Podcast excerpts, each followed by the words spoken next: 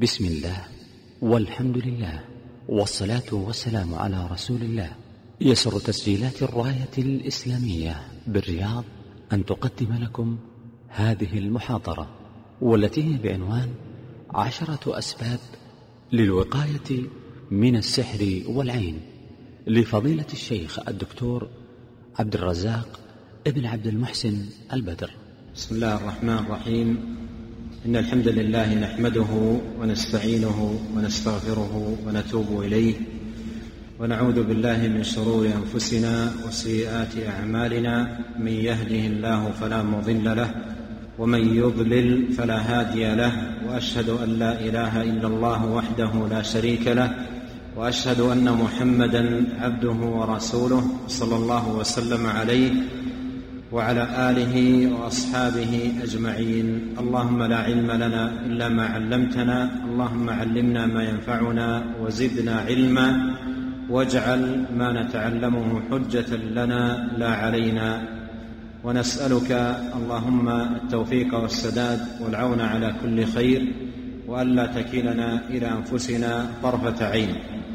معاشر الإخوة الكرام الحديث هذه الليلة عن ذكر عشرة أسباب يحرص من ابتلي بشيء من السحر أو العين أو الحسد أن يأتي بها وأن يحافظ عليها ليتخلص بإذن الله تبارك وتعالى مما قد يكون أصابه.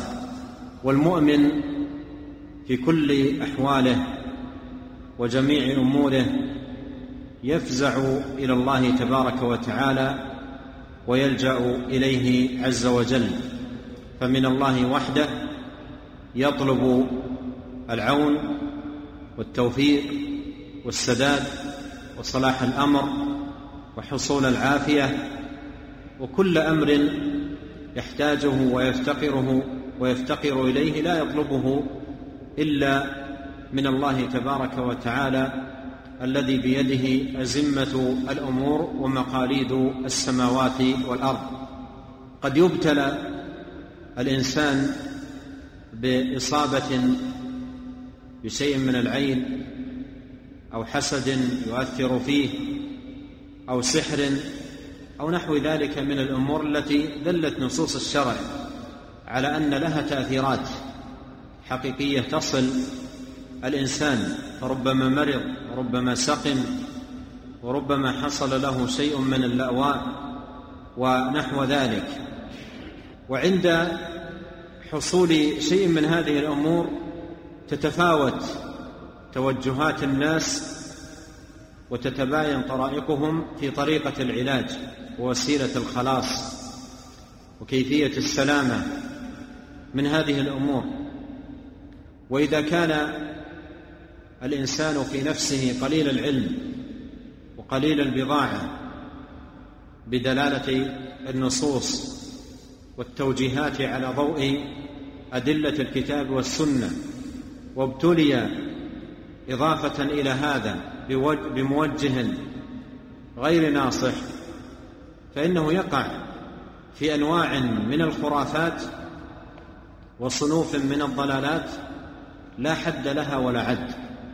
وكم يبتلى أقوام وأقوام بخرافات تروج بينهم وضلالات تدرج فيهم بسبب قلة العلم وقلة البصيرة في دين الله تبارك وتعالى. والخرافة يتسع انتشارها اتساعا كبيرا عندما يكثر الجهل وتكثر الذنوب وتكثر الأمراض. فاذا كثرت في الناس هذه الأشياء كثرت الخرافة. وإذا وجد العلم الصحيح المؤصل المبني على الكتاب والسنة وجد الخير وتحقق الصلاة وتحقق الصلاح وعمت الفضيلة وزانت أحوال الناس في دنياهم وأخراهم. ومن نعمة الله على عبده المؤمن أنه عندما يبتلى بشيء من المرض أو السقم أو الشدة أو نحو ذلك من نعمة الله عليه في هذه الحال أنه لا يفزع إلا إلى ربه ومولاه جل وعلا. ولا يلتجئ إلا إليه. كما قال الله سبحانه ففروا إلى الله. وكما قال عليه الصلاة والسلام في دعائه لا ملجأ ولا منجأ منك إلا إليه. فالله عز وجل هو الذي إليه المفر وإليه الملجأ وإليه المفزع ومن توكل على الله فهو حسبه ومن استعان بالله أعانه ومن استعاذ بالله أعاذه ومن التجأ إلى الله سبحانه وتعالى كان الله في عونه وحفظه وتوفيقه وتسديده. وكم يحتاج الناس في مثل هذا الزمان إلى توجيه سديد وإرشاد رشيد على ضوء أدلة كتاب الله وسنة نبيه صلى الله عليه وسلم فيما لو أن الإنسان ابتلي هو أو بعض قرابته أو إخوانه بشيء من هذه الابتلاءات. والإمام ابن القيم رحمه الله تحدث عن هذه المسألة التي اجتمعنا لمدارستها ومذاكرتها حديثا جامعا نافعا مفيدا للغاية في كتابه بدائع الفوائد عندما تكلم عن معاني قول الله سبحانه وتعالى قل أعوذ برب الفلق من شر ما خلق ومن شر غاسق إذا وقب ومن شر النفاثات في العقد ومن شر حاسد إذا حسد.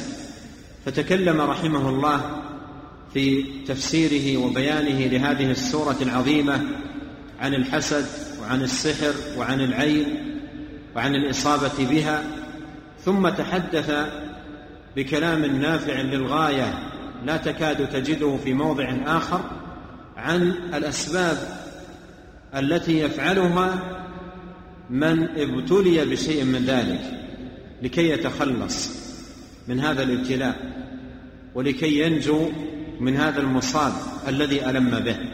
فذكر رحمه الله اسبابا عشرة عظيمة جدا يحتاج إليها من ابتلي بشيء من هذه الأمور السحر أو العين أو الحسد ليتخلص منها.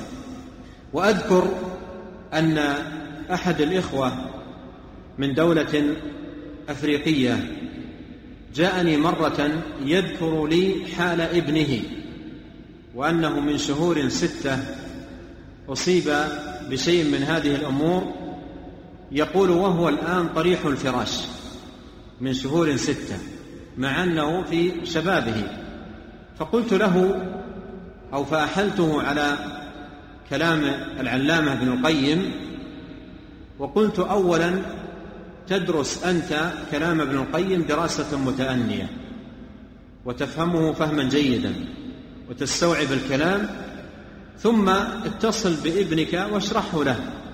وترجمه له ووجهه لتطبيقه وسترى بإذن الله تبارك وتعالى اثرا طيبا. واتصل بي بعد أيام قلائل يبشرني أن ابنه قام وذهب إلى كابينة الهاتف واتصل بوالده يخبره أنه لا يشعر بشيء. ومثل هذا كثير. والتوفيق بيد الله والحافظ هو الله سبحانه وتعالى. والمسلم ينبغي عليه في كل حال من الأحوال أن يكون ملتجئا إلى الله سبحانه وتعالى محققا العبودية له في تلك الحال. فأنت في هذه الحياة عبد لله تبارك وتعالى ولكل حال من أحوالك عبودية. في حال النعمة عبودية الشكر وفي حال المصيبة عبودية الصبر وهكذا في كل حال من الأحوال تحقق العبودية التي تطلب منك في تلك الحال التجاء إلى الله وثقة به واعتمادا عليه وتوكلا عليه تبارك وتعالى وقياما بطاعته سبحانه ودعاء وتذللا وخضوعا ورجاء إلى غير ذلك من العبوديات العظيمة التي هي سمة المسلم وديدنه في كل أوقاته. وكما ذكرت ابن القيم رحمه الله ذكر في كتابه بدائع الفوائد اسبابا عشرة يحتاج إليها من ابتلي بشيء من هذه الأشياء ليتخلص منها بإذن الله تبارك وتعالى وعونه وتوفيقه وتسديده. السبب الأول من هذه الأسباب العشرة التعوذ بالله تبارك وتعالى من شره. التعوذ بالله تبارك وتعالى من شره والتحصن به واللجأ إليه. كما قال الله سبحانه وتعالى قل أعوذ برب الفلق من شر ما خلق ومن شر غاسق إذا وقب ومن شر النفاثات في العقد وهن السواحر ومن شر حاسد إذا حسد. والله تبارك وتعالى سميع لمن استعاذ به عليم بما يستعيذ منه قادر على كل شيء وهو وحده تبارك وتعالى المستعاذ لا يستعاذ بأحد من الخلق ولا يلجأ إلى أحد سواه بل هو الذي يعيذ المستعيذين ويعصمهم من شر ما استعاذوا من شره فالسبب الأول الاستعاذة والاستعاذة حقيقتها التجاء إلى الله سبحانه وتعالى واعتصام به حقيقتها فرار من شيء تخافه إلى من يحميك منك إلى من يحميك منه. فرار من شيء تخافه وتخشاه إلى من يحميك منه ويقيك منه والواقي هو الله والحافظ هو الله والمستعاذ به هو الله تبارك وتعالى. بل إن الاستعاذة عبودية لا تصرف إلا لله تبارك وتعالى ولهذا كل ابتلاء يبتلى به الإنسان يستعيذ بالله.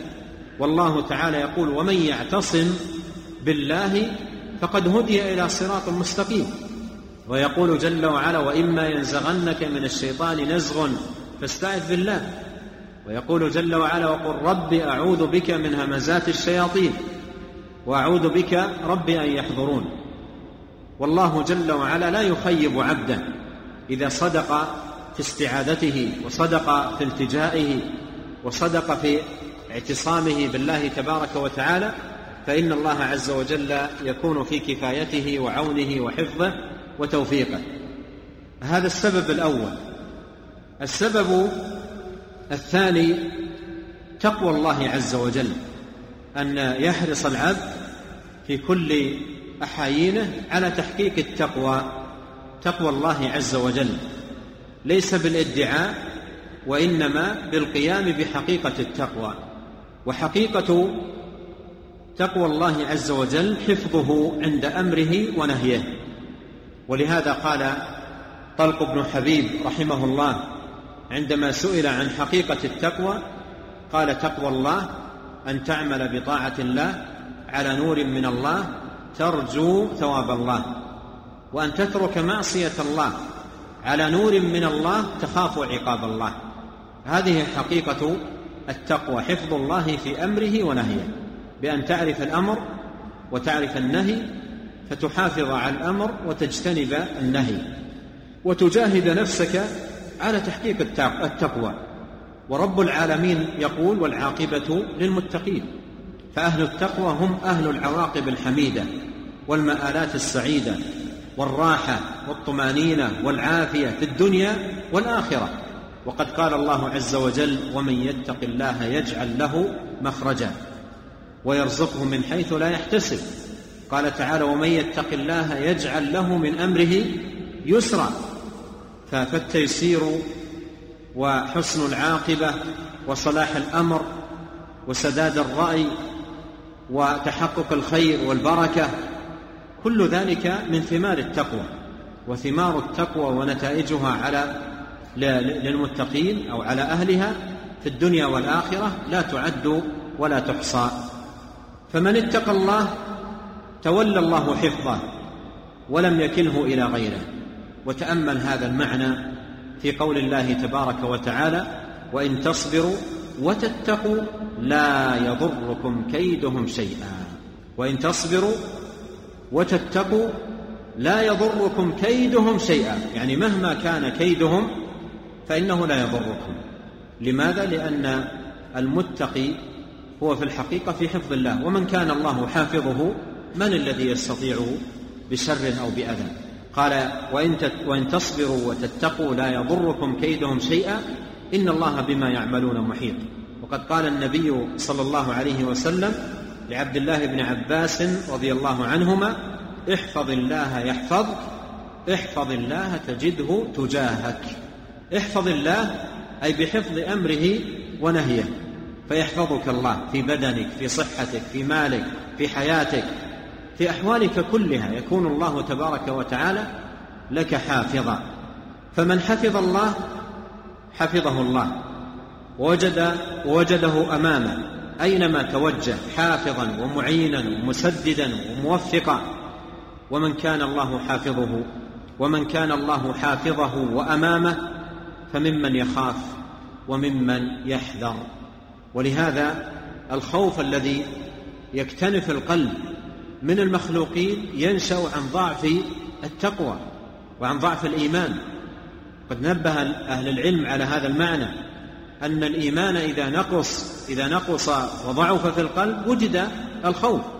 وإذا قوي الإيمان وقوي التوحيد وقوي في في قوي التقوى الله عز وجل في قلب الإنسان فإنه لا لا يخشى إلا الله سبحانه وتعالى ولا يكون ملتجئا إلا إلى الله جل وعلا. الشاهد أن التقوى سبب عظيم لا بد منه للخلاص من الشرور ولطلب الخيرات والبركات في الدنيا والآخرة. ولو أن أهل القرى آمنوا واتقوا لفتحنا عليهم بركات من السماء والأرض. فحصول التقوى مع الإيمان سبب للخيرات والبركات في المال في الأهل في الولد في الحياة في الرزق في, في الصحة في الأمور كلها. السبب الثالث الصبر على عدوه والمراد بالعدو أيا كان سواء كان حاسدا أو عائلا أو مصيبا له بسحر أو نحو ذلك. الصبر على عدوه وألا وألا يقاتله. وألا يشكوه إلى الناس ولا وألا يحدث نفسه بأذاه أصلا. فما نصر إنسان على حاسده وعدوه بمثل الصبر عليه. ما نصر إنسان على حاسده وعدوه بمثل الصبر عليه. وكلما زاد بغي الحاسد كان بغيه مع صبر المحسود عليه جندا. وقوة للمبغي عليه يقاتل به الباغي نفسه وهو لا يشعر وهذا كلام عظيم لو تأملناه. فبغيه يكون سهما يرميه من نفسه إلى نفسه. ودليل ذلك قول الله عز وجل ولا يحيق المكر السيء إلا بأهله ولا يحيق المكر السيء إلا بأهله. فيمضي الإنسان في حياته وفي عمله وفي طاعته وفي عبادته. ويصبر على أذى عدوه ولا يشغل نفسه به ويقبل على مصالحه الدينية والدنيوية. فكما يقول ابن القيم ما انتصر إنسان على حاسده وعلى عدوه بمثل هذا المقام العظيم مقام الصبر. فإذا صبر المحسود ولم يستطل الأمر نال حسن العاقبة بإذن الله تبارك وتعالى.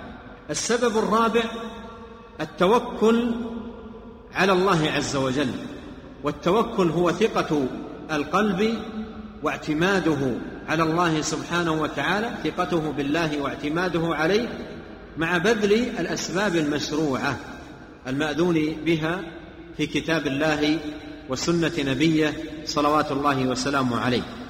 فمن يتوكل على الله فهو حسبه والتوكل من أقوى الأسباب التي يدفع أو يدفع بها العبد ما لا يطيق من أذى الخلق وظلمهم وعدوانهم ومن كان الله كافيه. الله عز وجل يقول أليس الله بكاف عبده ويقول جل وعلا ومن يتوكل على الله فهو حسبه. من كان الله كافيه فلا مطمع فيه لعدو. ولو توكل العبد على الله حق توكله وكادته السماوات والأرض ومن فيهن لجعل له مخرجا من ذلك وكفاه ونصره. وهذا المعنى دلت عليه نصوص كثيرة منها قول النبي عليه الصلاة والسلام لابن عباس رضي الله عنهما واعلم أن الأمة لو اجتمعوا على أن ينفعوك بشيء لن ينفعوك إلا بشيء كتبه الله لك.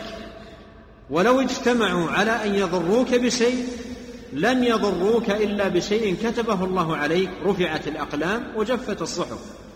فإذا كان العبد متوكلا على الله سبحانه وتعالى معتمدا عليه ثقته بالله سبحانه وتعالى كفاه الله. ولو كان عند عدوه من العتاد والعدد والقوة والعدة ما لا يطاق فالله يكفيه. لما ذهب موسى عليه السلام بقومه وخرجوا من مصر فارين بدينهم ولحقهم فرعون ومعه من العدد والعدة والعتاد ما لا يطاق ووصل موسى عليه السلام وقومه إلى البحر وأصبح البحر أمامهم التفتوا إلى الوراء وإذا بجيش عرمرم يقوده فرعون. عتاد وخيل وسلاح وشيء لا طاقة لهم به. فاشتكوا هذه الحال. قالوا لموسى إنا لمدركون. قالوا لموسى إنا لمدركون. يعني البحر أمامنا وفرعون وجنوده وراءنا. ليس هناك طريق. فموتنا كأنهم يقولون موتنا محقق وهلاكنا متيقن.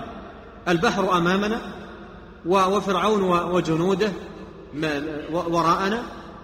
فأين إلى أين نفر فقال عليه السلام كلمة المتوكل على الله الواثق به كلا إن معي ربي سيهدين. كلا إن معي ربي سيهدين. بثقة وإيمان بالله عز وجل وتوكل على الله جل وعلا. فقال الله سبحانه وتعالى اضرب بعصاك البحر اضرب بعصاك البحر.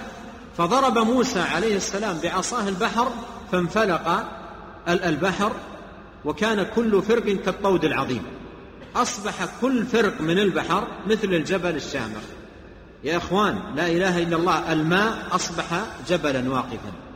والأرض التي كان الماء عليها أصبحت يبسا لا ليس فيها في لحظة واحدة الماء أصبح جبال واقفة جبال واقفة من الماء. والأرض التي كان عليها الماء في الحال تحولت إلى أرض يبس جافة ناشفة ليس فيها وحل وطين ولزوجة أصبحت أرض يابسة والجبال واقف مثل الماء. ودخل موسى مع هذه الطرق هو وقومه. كلا إن معي ربي سيهدين. فدخل موسى عليه السلام وقومه حتى خرجوا من الجانب الآخر. ووصل فرعون إلى إلى الجانب الآخر وهو لا يزال في طلب موسى ومن معه فقرروا أن يدخلوا وراءه. فلما تكامل موسى وقومه خروجا من البحر وتكامل فرعون وقومه دخولا في, في, في, في البحر أمر الله عز وجل الماء أن يعود كما كان. وانتهت هذه الجيوش كلها بأكملها برمتها بما فيه قائدهم فرعون. الذي كان يتعالى ويتغطرس ويقول هذه الأنهار تجري من تحتي ويقول أنا رب العالمين أهلكه الله بالماء. مات غرقا. وأعلن إيمانا لا ينفع. آمنت بالذي آمنت به بنو إسرائيل ولكنه إيمان لا ينفع. فالشاهد أن التوكل على الله سبحانه وتعالى منجاة للعبد مهما كانت الأحوال ومهما كانت الظروف. كان نبينا عليه الصلاة والسلام مرة قافلا من غزوة ولما جاءوا في الطريق أخذوا مكانا أو جلسوا في مكان للراحة وللمقيل فنام النبي عليه الصلاة والسلام ونام الصحابة وأمروا واحدا من الصحابة ينتبه فكأنه أيضا تعب ونام. فجاء أحد الأشخاص بخطوات يعني هادئة إلى يبحث عن مكان النبي عليه الصلاة والسلام حتى وجد مكانه وأخذ سيف النبي صلى الله عليه وسلم وسله صلتا والنبي صلى الله عليه وسلم نائم. ففتح عينيه عليه الصلاة والسلام فإذا بالسيف مسلول يعني جاهز للضرب والرجل واقف أمامه. فقال له الرجل من يحميك مني؟ قال من يحميك مني؟ فقال عليه الصلاة والسلام بثقة وتوكل على الله تبارك وتعالى قال الله. قال من يحميك مني؟ قال الله.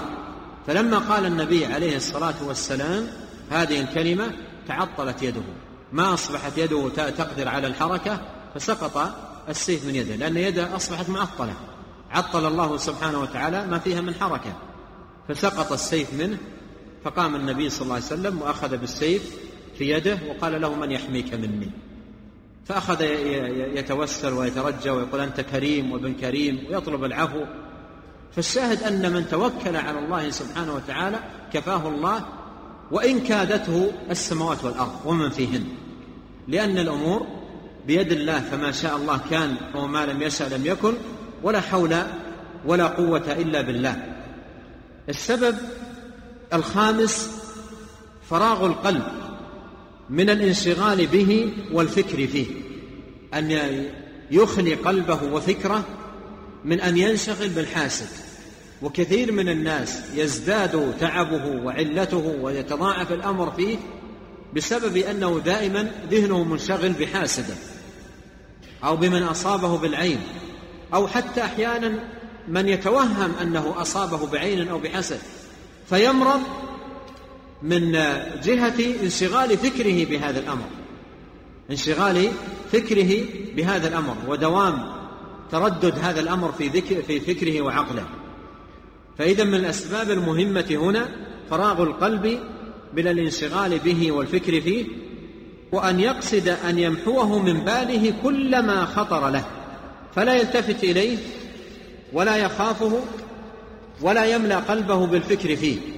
يقول ابن القيم رحمه الله وهذا من أنفع الأدوية وأقوى الأسباب المعينة على اندفاع شره. ويضرب لذلك مثلا توضيحيا. يقول فإن هذا بمنزلة من يطلبه عدوه ليمسكه ويؤذيه. مثل لو يمر إنسان في في طريق ويكون في هذا الطريق بعض السفهاء أو بعض الفساق فيتعرضون له بشيء من الأذى. إما بكلمة نابية أو بلفظة جارحة أو بشيء من هذا القبيل. إن وقف وتشاكس معهم والتفت إليهم ما الذي سيحدث؟ تزيد الأمور.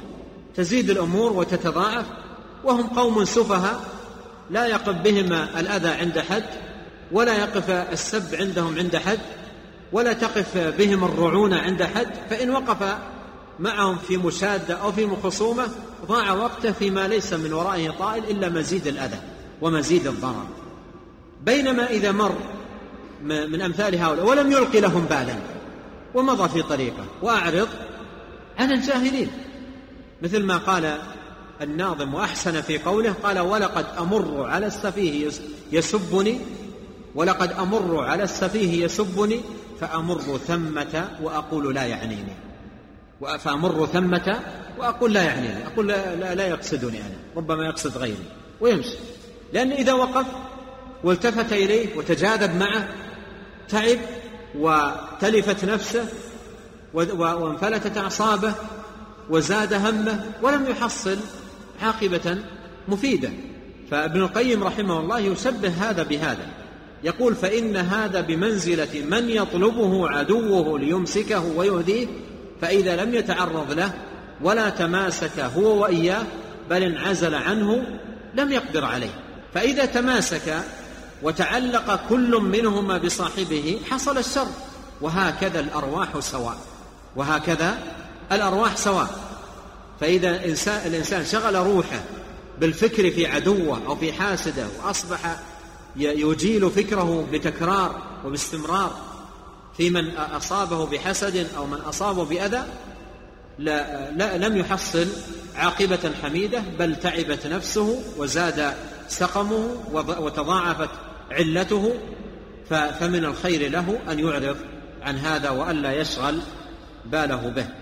يقول ابن القيم فإذا تعلقت كل روح منهما بالأخرى عدم القرار ودام الشر حتى يهلك أحدهما. فإذا جبد روحه عنه وصانها عن الفكر فيه والتعلق به وأخذ يشغل باله بما هو أنفع له بقي الحاسد الباغي يأكل بعضه بعضا. فإن الحسد كالنار. إذا لم تجد ما تأكله أكل بعضها بعضا. فهذه طريقة يقول ابن القيم نافعة جدا أن ينصرف الإنسان عنه وألا يشغل به وأن يمضي في في مصالح دينه ودنياه مستعينا بربه متوكلا عليه معرضا عن شغل فكره بهذا الأمر. وكم من أناس تضاعفت فيهم أمراض وأسقام بسبب شغل الفكر وكثرة إجالة الخاطر في مثل هذه الأمور. السبب السادس الإقبال على الله عز وجل والإخلاص له وجعل محبته ونيل رضاه والإنابة إليه في كل خواطر نفسه وأمانيها. في كل خواطر نفسه وأمانيها. تدب فيها دبيب تلك الخواطر شيئا فشيئا حتى يقهرها ويغمرها ويذهبها بالكلية.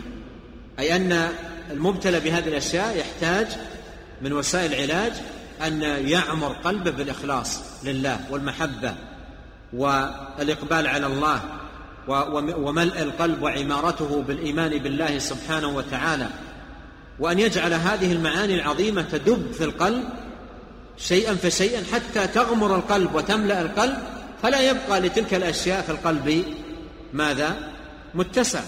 يقول فتبقى خواطره وهواجسه وأمانيه كلها في محاب الرب والتقرب إليه وذكره والثناء عليه. قال تعالى عن عدوه إبليس أنه قال فبعزتك لأغوينهم أجمعين إلا عبادك منهم المخلصين. فالمخلص ليس للشيطان عليه سبيل. المخلص بمثابة من أوى إلى حصن حصين وحرز مكين لا خوف على من تحصن به ولا ضيعة على من أوى إليه ولا مطمع للعدو في الدنو منه. وهذا مطلب عظيم جدا لمعالجة هذا الأمر وغيره من من الأمور. والإخلاص أساس كل خير وسعادة وفلاح في الدنيا والآخرة. السبب السابع تجريد التوبة إلى الله عز وجل من الذنوب التي سلطت عليه أعداءه. قال الله تعالى وما أصابكم من مصيبة فبما كسبت أيديكم. تسلط العدو ايا كان حاسدا أو عائنا أو غير ذلك من أسبابه الذنوب. فبما كسبت أيديكم. اذا من وسائل العلاج النافعة المفيدة أن يتوب الإنسان إلى الله عز وجل من ذنوبه التي سلطت عدوه عليه. توبة صادقة إلى الله عز وجل. يا أيها الذين آمنوا توبوا إلى الله توبة نصوحا وقد قال العلماء التوبة النصوح هي التي استجمعت شروطا ثلاثة. الندم على فعل الذنب والإقلاع عنه تماما والعزم الأكيد على عدم العودة إليه. وإذا كان الذنب يتعلق بحقوق الآدميين يضاف إلى ذلك إعادة الحق إلى صاحبه أو طلب عفوه ومسامحته. يقول ابن القيم رحمه الله فما سلط على العبد من يؤذيه إلا بذنب.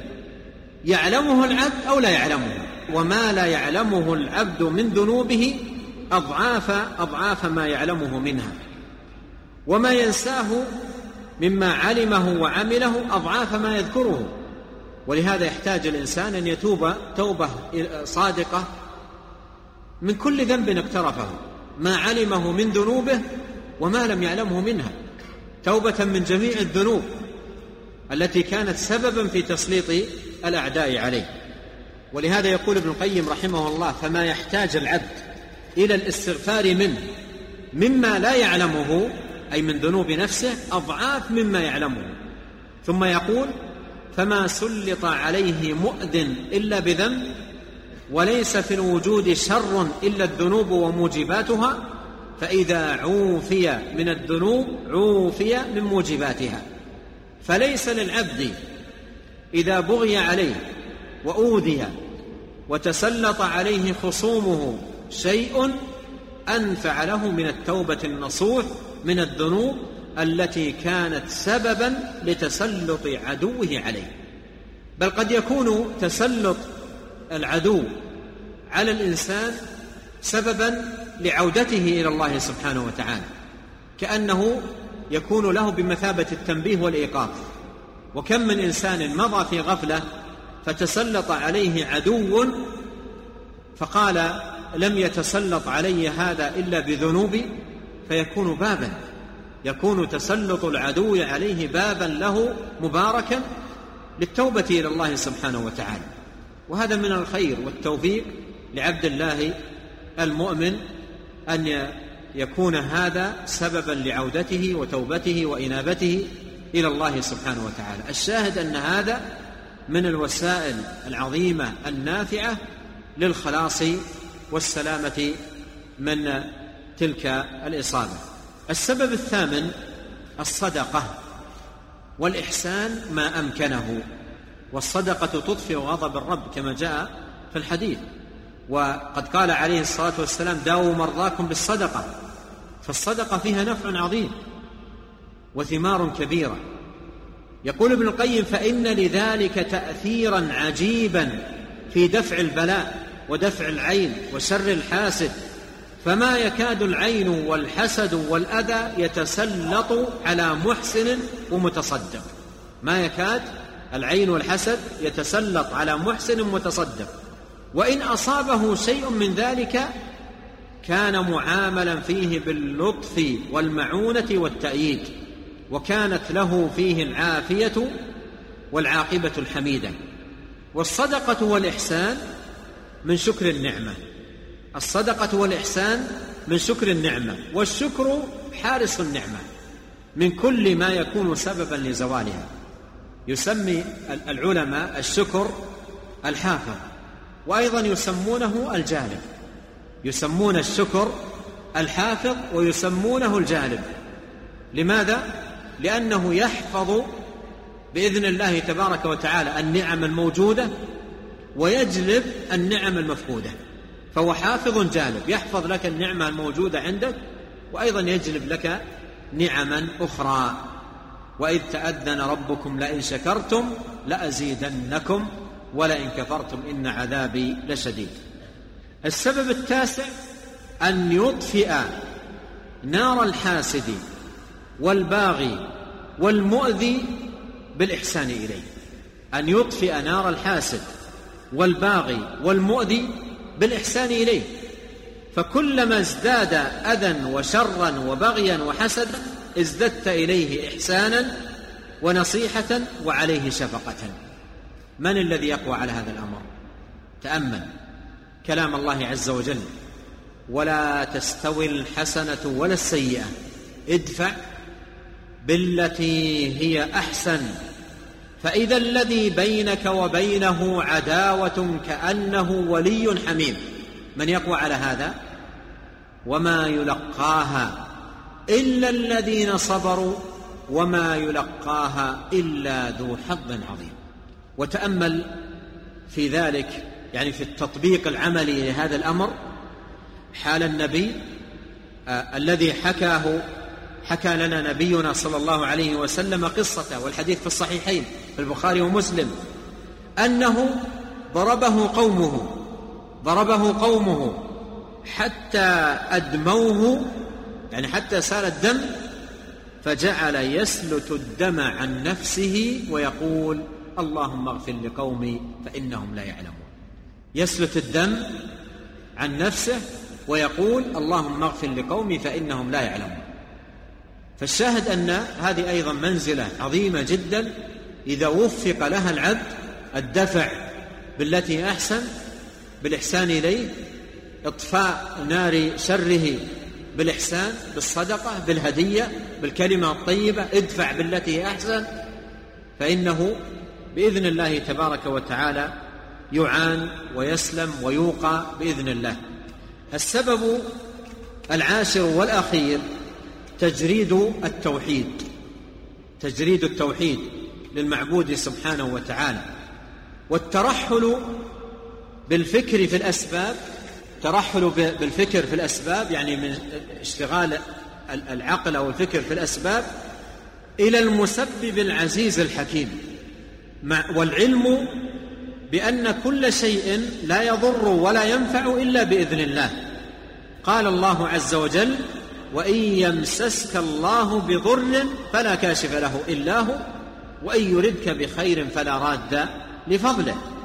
فلا يشغل نفسه بالفكر بالأسباب وإجالة الأمر فيها وإنما يجرد التوحيد لله سبحانه وتعالى. وقد مر معنا قول النبي صلى الله عليه وسلم لابن عباس رضي الله عنهما واعلم أن الأمة لو اجتمعوا على أن ينفعوك لم ينفعوك إلا بشيء كتبه الله لك ولو اجتمعوا على أن يضروك بشيء لم يضروك إلا بشيء كتبه الله عليك رواه الترمذي. يقول ابن القيم رحمه الله فإذا جرد العبد التوحيد فقد خرج من قلبه خوف ما سوى الله. إذا جرد العبد التوحيد خرج من قلبه خوف ما سوى الله. وكان عدوه أهون عليه من أن يخافه مع الله. بل يفرد الله بالمخافة ويرى أن إعماله فكره في أمر عدوه وخوفه منه واشتغاله به من نقص توحيده.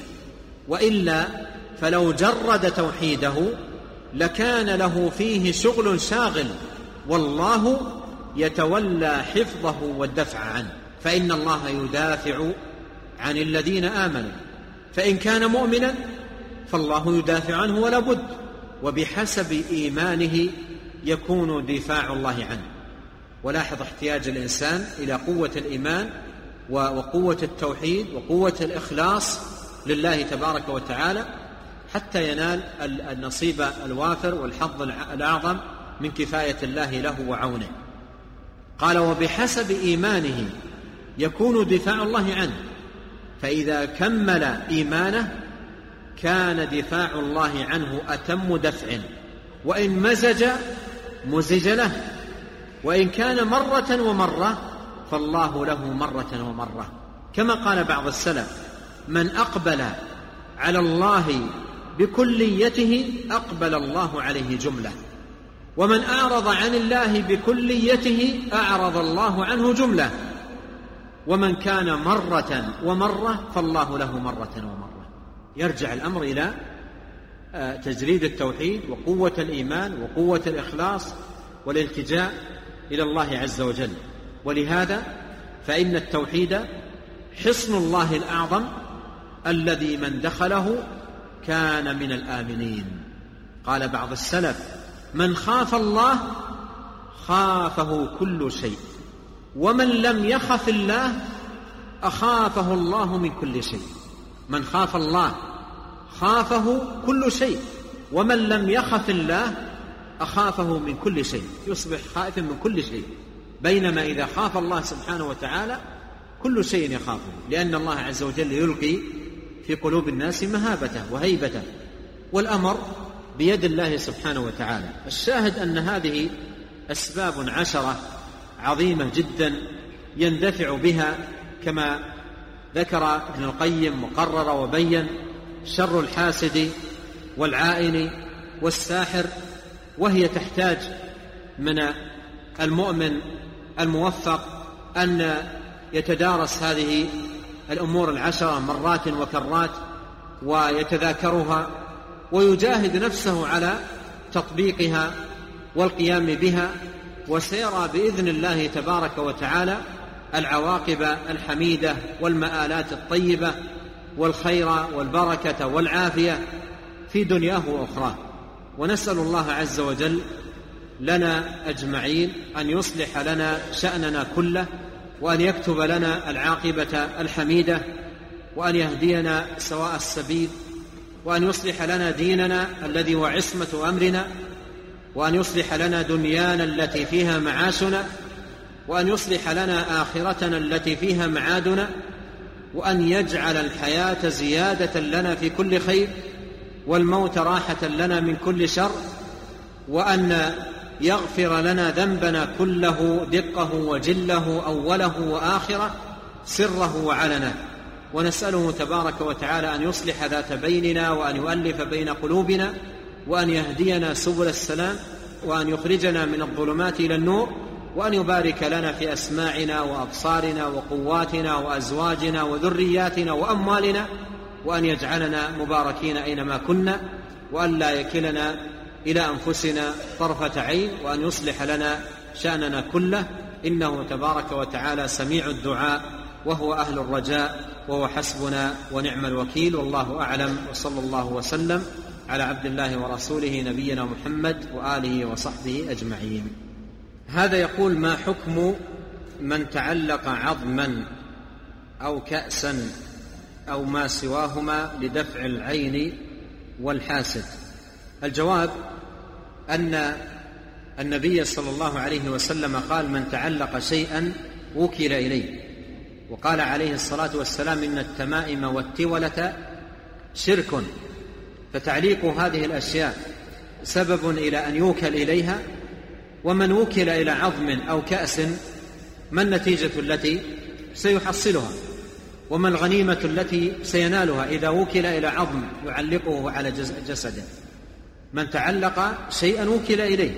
وأيضا قصة الرجل الذي رأى النبي صلى الله عليه وسلم في يده خير قال ما هذه؟ قال من الواهنة. قال انزعها فإنها لا تزيدك إلا وهنا فهذه الأشياء لا, لا يحصل منها أو لا يحصل بسببها عافية أو سلامة أو وقاية من عين أو نحو ذلك بل إنها تزيد الإنسان وهنا على وهن وضعفا إلى ضعف وعلة إلى إلى علة.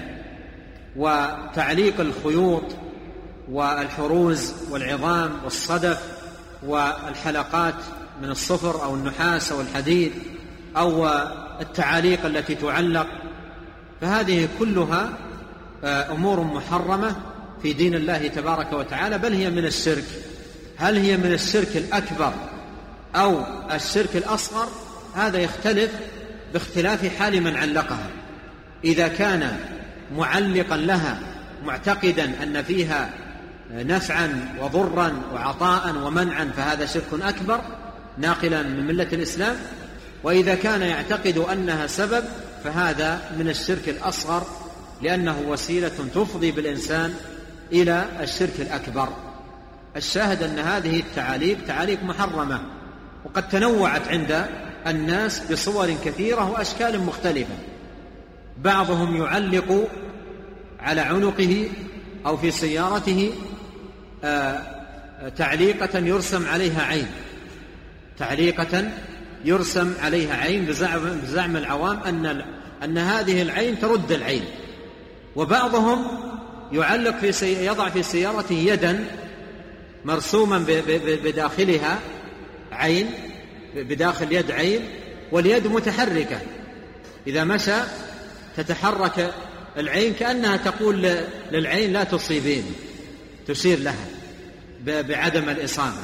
كل هذه من خرافات العوام ومن جهلهم ومن ضياعهم يتعلقون بهذه الأشياء التي لا لا لا, لا تفيد ولا تنفع ولا يعلقون قلوبهم بمن بيده تبارك وتعالى أزمة الأمور سبحانه وتعالى. يقول السائل وهل القول بأن صاحب العين يصلى عليه صلاة الميت لدفع عينه والشفاء منه؟ هل هذا يعني له أصل؟ الجواب هذا ليس له أصل ليس له أصل وإنما العلاج مر معنا بتأصيل علمي وتقرير نافع في نقاط عشرة عظيمة ذكرها العلامة ابن القيم رحمه الله. ثم يقول أخونا في آخر سؤاله وما هو الثابت في, في, في الشرع في هذا الباب؟ مر معنا كلام ابن القيم رحمه الله في هذا الباب وإذا كان السؤال يتعلق بالعين فإذا كان يعلم العائم من هو فإن الشرع يدل أيضا على مشروعية الأخذ من مائه إذا اغتسل أو توضأ وأن يغتسل منه أو يتوضأ منه أو يرش عليه منه فإن هذا أيضا من الأسباب التي دل عليها الشرع الثابت عن رسول الله صلى الله عليه وسلم. هذا يقول هناك أناس يقولون نحن نتعامل مع الجن المسلمين لفك السحر فهل هذا يجوز؟ الجواب أن هذا العمل ليس من من الأعمال. المشروعة. ولا يجوز للإنسان أن يتصل بالجن سواء زعموا أنهم مسلمين أو لم يزعموا لأن هذا من باب الشر ولو لم يكن في هذا إلا قاعدة الشريعة سد الذرائع المفضية إلى الباطل لكان ذلك وحده كافيا. هذا يقول من راجح في القراءة على الماء وشربه في التخلص من العين والسحر القراءة في الماء وشربه لا بأس به جاء عن عدد من السلف هذا الأمر. والأولى أن يكون أن تكون القراءة والنفث على المصاب مباشرة. والأولى أيضا أن المصاب لا يذهب إلى لا يسترقي لا يطلب من يرقيه. الأكمل أن لا يذهب إلى من يرقيه. وإن ذهب فإن هذا لا يؤثر على لا يؤثر إلا على كمال توكله. تأثيره على كمال التوكل وخلاف الأولى. والأولى به أن يكون يكون في هذا الباب يرقي نفسه ويلجأ إلى الله ويقبل على الله ويقوم بهذه الأمور العظيمة التي ذكرها ابن القيم رحمه الله تعالى. هذا يقول كلما أقدم على أمر ما أشعر بأن النجاح لا يكون حليفي بسبب العين. اشتريت سيارة فعملت حادثا ورزقت مولودا فمات فأصبحت أشعر أن العين تطاردني. أحيانا الإنسان آه، لا يكون مصابا بعين ولكنه يستجلب لنفسه أوهاما ويكون فكره يكون فكره لتوارد خواطر وجود العين فيه. متكررا في خاطره يذكر حادثة أو حادثتين فيبني عليها أمره كله. الآن هذا السائل نفسه لو ترك هاتين الحادثتين اشتريت سيارة فأصبت بحادث ولدت مولودا فمات دعك من هاتين الحادثتين وتفكر في أحوالك الأخرى. تجد أنك في نعم. لو تفكرت بعيدا عن عن لو تفكرت في حالك بعيدا عن استحضار هاتين القصتين واستحضار أنك آه، آه، مصاب بعين أو توهم أنك مصاب بعين ستجد أن حياتك وأيامك مليئة بالنجاح والتوفيق والسداد من النجاحات التي آه، تحققت لك أنك موجود الآن. فجئت المسجد وحضرت هذه المحاضرة هذا نجاح وتوفيق من الله سبحانه وتعالى وتيسير لك. فلو تتفكر تجد أن حياتك مليئة بنجاحات. فلا تأتي وتعد حادثتين حصلت وتقول هذا دليل على أنني مصاب بعين وأن العين تلاحقني أينما ذهبت. فبعض الناس يضخم بعض الأمور ويعظمها في نفسه فيمرض نفسه بنفسه. فنصيحتي لك أن تبتعد عن أمثال هذه الهواجس والأفكار وأن تلتجئ إلى الله سبحانه وتعالى وتحقق المعاني العظيمة التي مر معنا تقريرها في كلام ابن القيم رحمه الله تعالى. لم يكن ابنه عنده حاضرا يعوذه يقول أعيذه بكلمات الله التامة حتى لو حتى لو لم يكن عنده. فالشاهد أن تعويذ الأبناء من الأمور المطلوبة وكذلك تعويد الأبناء على التعوذ والالتجاء والمحافظة على الأذكار أذكار الصباح والمساء وعند النوم هذا يقول قد انتشر في الآونة الأخيرة قنوات السحر والشعوذة فما حكم مشاهدتها؟ وبقصد التسلية وهل من نصيحة لمن ابتلي بمشاهدة هذه القنوات؟ مشاهدة هذه القنوات حرام والنظر إليها إثم وباب شر على الإنسان ومن ينظر إلى هذه القنوات مخاطر بدينه. وكم من إنسان أصيب في دينه بمقتل بسبب أمثال هذه المخاطرات. وقد قال السلف قديما إن كنت مخاطرا بشيء فلا تخاطر بدينك خاطر بمالك بتجارتك. أما الدين لا تخاطر به. وكثير من الناس لا يبالي بدينه يخاطر به مخاطرة عجيبة. تجده يفتح القنوات الفضائية لا يغلق منها قناة. ينظر إليها إلى كل قناة أيا كانت. ويدخل في المواقع التي في الإنترنت ولا يبالي. في أي موقع من هذه المواقع. فهذه مخاطرة بالدين. وكثير من من الشباب دخل في هذه القنوات أو في تلك المواقع مع قلة علم وقلة فهم فدخلت عليه شبهات لم تؤثر في أخلاقه فقط بل أثرت حتى في عقيدته. ودخلت على بعض الشباب عقائد فاسدة ومذاهب منحرفة وشبهات من النصارى من اليهود من أصحاب العقائد المنحرفة. كل ذلك بسبب المخاطرة بالدين قارن حال هؤلاء بحال السلف. عبد الله بن المبارك دخل عليه رجل من أهل الأهواء وقال أريد أن أقرأ عليك آية من كتاب الله. قال أخرجوه عني. قال, قال أريد أن أقرأ عليك آية من كتاب الله. قال أخرجوه عني. فلما خرج قالوا إنما أراد أن يقرأ عليك آية من كتاب الله. قال رحمه الله خشيت أن يطرح علي شبهة تجلجل في صدري حتى أموت. وعبد الله مبارك إمام من كبار أئمة التابعين. يقول خشيت أن أن يطرح علي شبهة تجلجل يعني تتردد في صدري إلى أن أموت. كم من الشبهة الآن تتردد في في نفوس الشباب بسبب النظر إلى القنوات أو بسبب النظر في المواقع؟ شبهات كثيرة.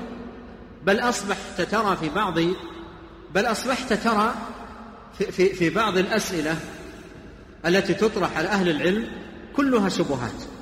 يجي يقول أنا يا شيخ أنا محتار بين كذا وكذا. وأنا حيرني الأمر الفلاني أو عندي شبهات. أو, أو تجد بعضهم يحمل في نفسه أحاديث كثيرة ضعيفة. ملأ فكره بها وشغل ذهنه بها والعلم النافع المؤصل لا يعرف عنه شيء وليس عنده منه خبر. وهذا كله بسبب المخاطرة بالدين. فالشاهد أن هذه القنوات لا يجوز النظر إليها. ومن ينظر إليها فهو آثم وهو مخاطر بدينه ولا يجوز النظر إليها ولا حتى من باب التسلية أو تمضية الوقت فإن هذا من تضييع الدين والوقوع فيما يسخط رب العالمين. نسأل الله عز وجل للجميع التوفيق والحفظ والعون والسداد. والله تعالى أعلم. وصلى الله وسلم على عبد الله ورسوله نبينا محمد وآله وصحبه أجمعين. جزى الله فضيلة الشيخ خير الجزاء وجعلنا الله وإياكم ممن يستمعون القول فيتبعون أحسنه.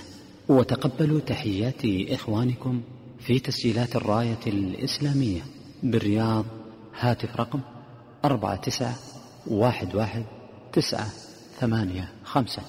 والسلام عليكم ورحمة الله وبركاته.